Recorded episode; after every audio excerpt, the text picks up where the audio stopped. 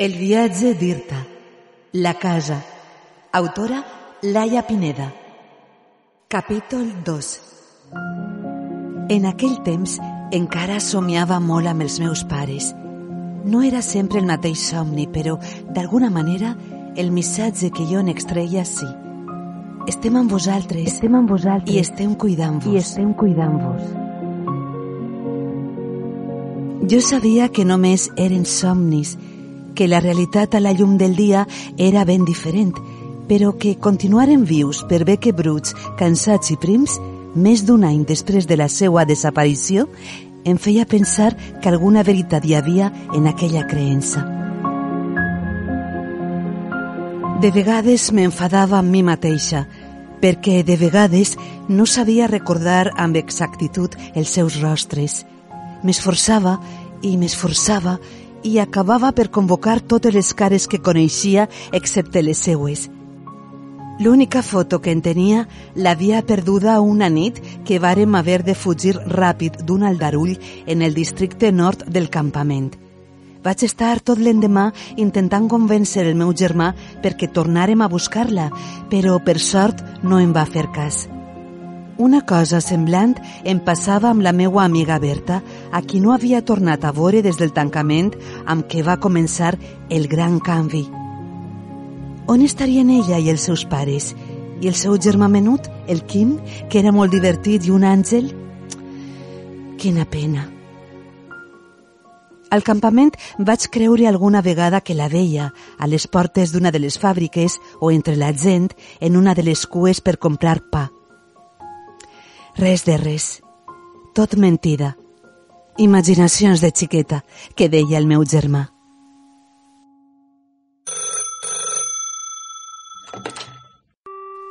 L'última vegada que havia parlat amb ella havia sigut per telèfon i em va dir que havia estat preparant una coreografia per ballar juntes i que tenia moltes ganes d'ensenyar-me-la.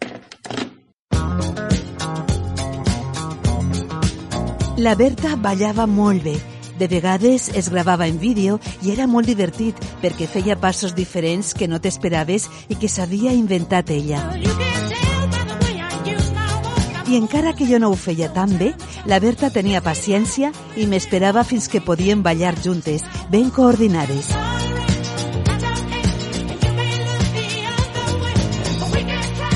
Amb ella, però, quasi no somiava. Tampoc amb la iaia, que en reservava sempre una xocolata especial que comprava en un lloc secret d'ella. Somiava sobretot amb els pares, també aquella nit front a la casa. No recorde massa bé el què. Potser estàvem passejant pel camp, tots quatre, com havíem fet tantes vegades abans del gran canvi, perquè al pare i a la mare, que s'havien conegut a la universitat estudiant biologia, els agradava molt caminar a l'aire lliure i ens explicaven el nom d'alguns arbres i com distingir-los fixant-nos en xicotets detalls. Jo no sempre els atenia, era massa menuda.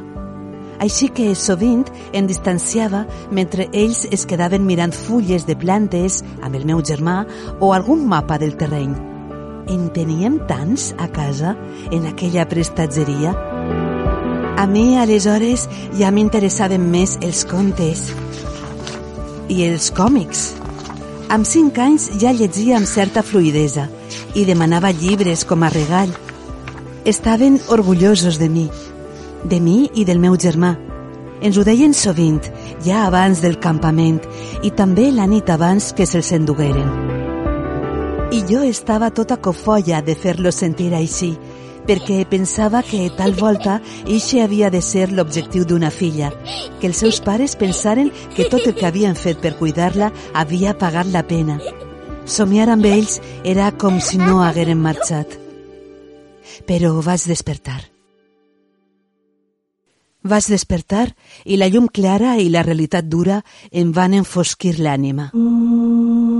Allà dalt, al cel, menudíssims, un parell d'avions de combat deixaven el seu rebuf dibuixant en direcció cap al sud. Vaig tancar de nou els ulls per intentar d'alguna manera tornar a la falda dels pares. No era la primera vegada que em passava. i no n'aprenia. Vaig engolir una saliva que quasi no tenia i em vaig eixugar unes llàgrimes seques. Torneu, suplicava. Suplicava en silenci mentre sentia de fons el cant d'uns ocells.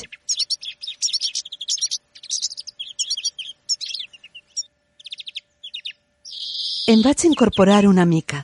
No hi era el meu germà, però havia deixat el mapa al meu costat, al terra, amb un pot de cigrons al damunt. Em vaig espantar i vaig mirar al meu voltant desesperada, buscant-lo. Havia dormit més de l'habitual i el sol ja escalfava. L'alarma no va durar massa. De seguida el vaig veure, tornant de la casa, corrent, amb una caixa platejada en una mà i una botella en l'altra. Somreia, somreia molt, i quan em va veure va alçar els braços per saludar-me i mostrar-me el seu trofeu. Era la segona vegada que el veia feliç en poques hores i això va fer que jo també somriguera i que el saludara i supose que d'alguna infantil manera vaig creure que la nostra sort estava canviant. Va seure al meu costat. Bon dia, porqueta! M'hi recordava quan havia sigut l'última vegada que m'havia anomenat així i vaig adonar-me de com havia trobat a faltar aquell insult carinyós. Pren, mira quin regal t'he dut, va dir donant-me la caixa platejada, que era de llauna i tenia el dibuix en relleu d'un poble sobre la tapa. La vaig obrir. Uau, galetes, galetes de veritat. Jo tenia la boca seca, però l'estómac em punxava i amb un instint depredador vaig caçar-ne un grapat. Mm. I mira això, va dir desenroscant la botella de vidre i bevent-ne una mica a morro després.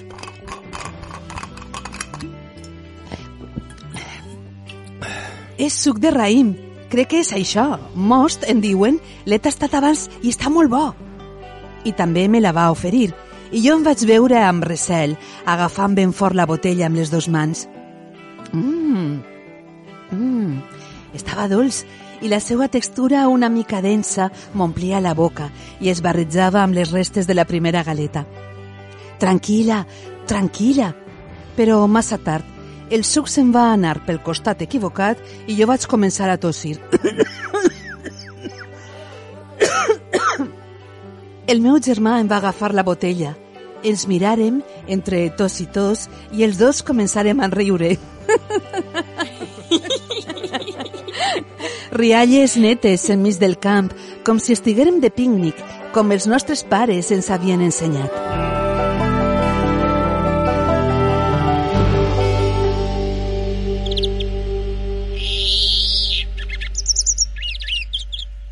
Quins pardals són ixos que canten?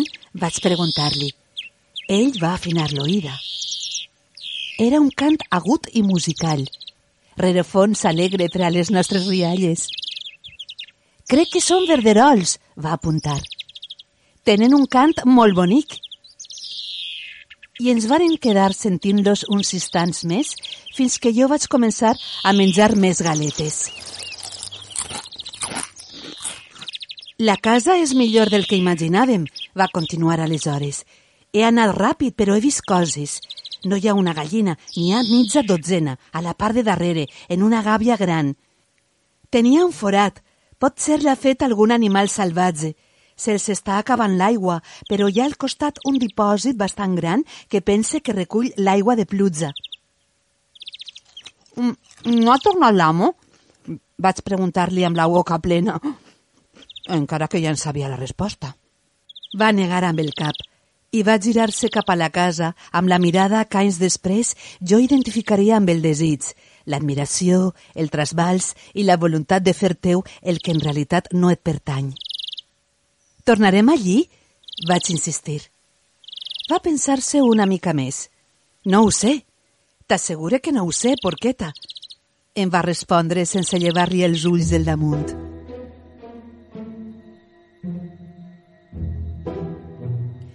Em va explicar que hi havia anat amb les primeres llums, que a la planta baixa els baguls també tenien menjar, galetes, oli, farina, daxa, em va descriure amb una mica més de detall la gàbia de les gallines i el dipòsit amb un parell d'aixetes, una que donava la gàbia i l'altra al costat oposat que donava a un cubicle de fusta.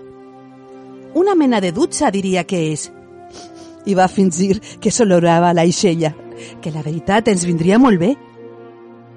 Si hauria volgut quedar una mica més de temps, tornar a l'entresolat, regirar una mica, però li havia semblat sentir un soroll i s'havia espantat i havia pensat en mi que estava a soles. Encara que probablement no era res, pot ser un animal. Ara volia tornar per donar de beure a les gallines perquè aquell dia de nou faria calor i seria molt inconscient perdre-les per no cuidar-les. Són quasi més valuoses que la mateixa casa però volia deixar passar un temps i confirmar que no hi havia perill imminent, perquè estava clar que la casa no havia sigut abandonada i que el propietari tenia la intenció de tornar. Potser està de viatge, vas dir. Crec que va riure de la meva ocurrència. No, ningú se'n va de viatge. Ara la gent només fuig com tu i com jo. I va callar un instant, com si recordara alguna cosa.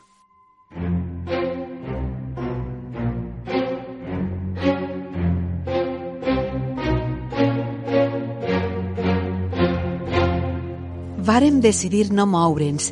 Havíem de buscar aigua, però el meu germà va dir que a la casa hi havia almenys dues botelles més de suc per obrir i que quan tornara a donar de beure a les gallines les agafaria. Podem prendre'ns una mica el dia lliure després de tant de camí, va dir. I a mi em va encantar la idea.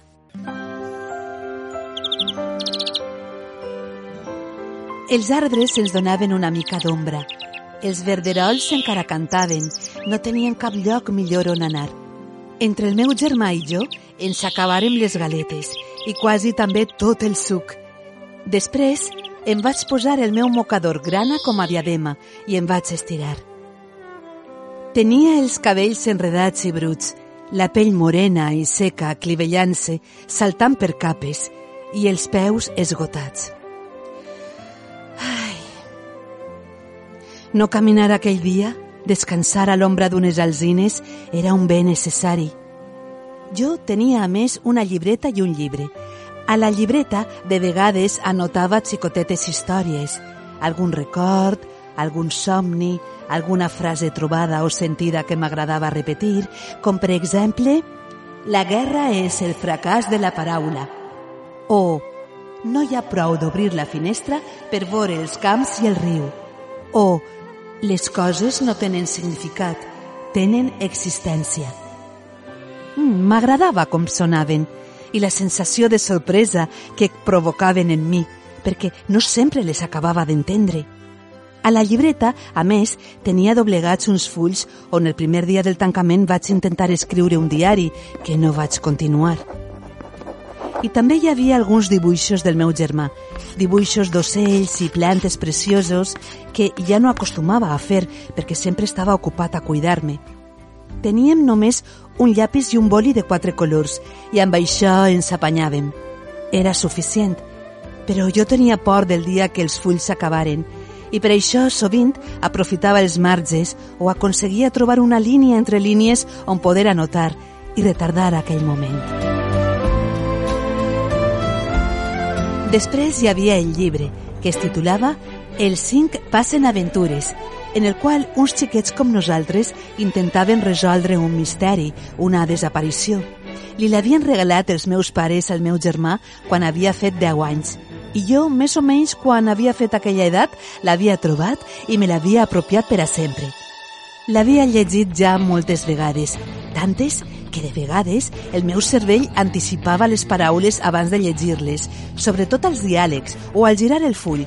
No em causava sorpresa res del que hi passava, però llegir amb atenció, centrar-me en aquella història d'un altre temps, m'allunyava de la resta del món.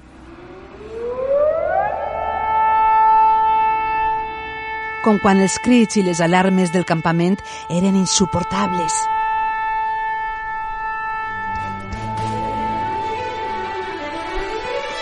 Els cinc eren quasi tots família. Estava el Julián, el Dick i l'Anna, que eren germans, i després la seva cosina, Jordi, que tenia un gos anomenat Tim. un, dos, tres, quatre i cinc. Hi havia diversos llibres amb les seues aventures. Ho sabia perquè al final del meu hi havia un full on figuraven els títols i jo de vegades jugava a imaginar com serien aquelles històries, quines altres aventures passarien aquells cinc amics, perquè més que família eren amics. Els cinc s'escapen, els cinc al passadís secret, els cinc i el gran enigma. M'agradava en especial la Jordi. La Jordi tenia un pare científic i a més era quasi tan valenta i decidida com el seu cosí, el Julián, que era el més gran de tots i el més fort i el líder de la colla. Però en realitat jo era com l'Anna, la més menuda, poregosa i tímida, i això em feia una mica de vergonya i ràbia. El meu germà em va dir una vegada que les xiquetes i els xiquets han de ser el que són i no créixer abans d'hora. Però tu també ho eres, un xiquet. No, no, jo ja no ho sóc, em va respondre. Jo ara cuide de tu. No m'ho va dir com un retret. Sabia que ell no estava enfadat amb mi per haver de cuidar-me, perquè tots necessitem una família a la qual estimar. I, com vaig entendre més tard, si no la tenim, la busquem, en forma de parella, d'amics, de fills, de qualsevol que ens permeta donar-los el millor de nosaltres, fer-los ixe regal. Vaig rellegir alguns fragments del meu llibre. La Jordi i el seu gos, Tim, havien desaparegut i tenien la sort que els seus amics lluitarien per trobar-los. M'agradava la part en què navegaven amb una barca fins a una cova oculta en un penya-segat. I després, quan una amiga seua, una gitaneta anomenada Joe, escalava la torre on tenien segrestats la Jordi i el Tim. M'agradaven aquelles aventures, perquè passaven coses i coneixien gent i anaven d'un lloc a un altre i es cuidaven com fèiem el meu germà i jo. Però en aquelles pàgines, ho sabia, no hi havia un perill real. Un perill que t'aturara la respiració i et fera cridar de ràbia i angoixa, com ens passava a nosaltres. Perquè en el llibre tot acabava bé. I els amics s'abraçaven i els dolents eren apressats. I això m'agradava, perquè feia possible noves i eternes aventures, sempre amb els mateixos amics anant de la mà. En un moment donat vaig adonar-me que el meu germà s'havia adormit. Alguna vegada m'havia advertit que el despertara si això li passava i alguna vegada, consumida per la por, ho havia fet. No en esta ocasió. Era probable que haguera passat bona part de la nit en vela, vigilant-me a mi primer i vigilant la casa després. Poques vegades l'havia vist jo dormint. Sempre estava atent, sovint amb la navalla a la mà, pensant com passar el dia, com eixir del problema. Sempre atent. De lluny, el piulit dels ocells em va semblar que ja no era el mateix. Potser eren uns altres els que cantaven.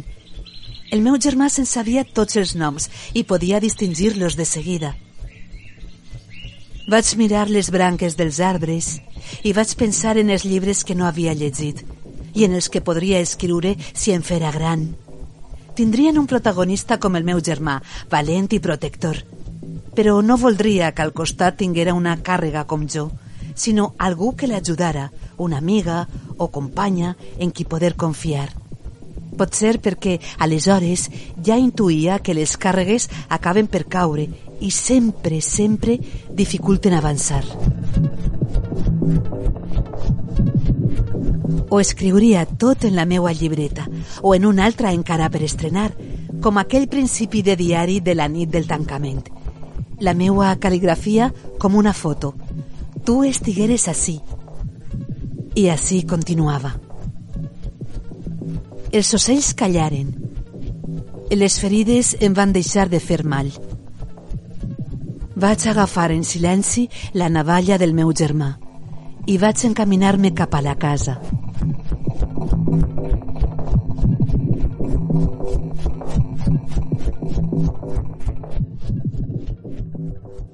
El viatge d'Irta. La casa. Escrit per Laia Pineda. Disponible en Amazon en laiapineda.net.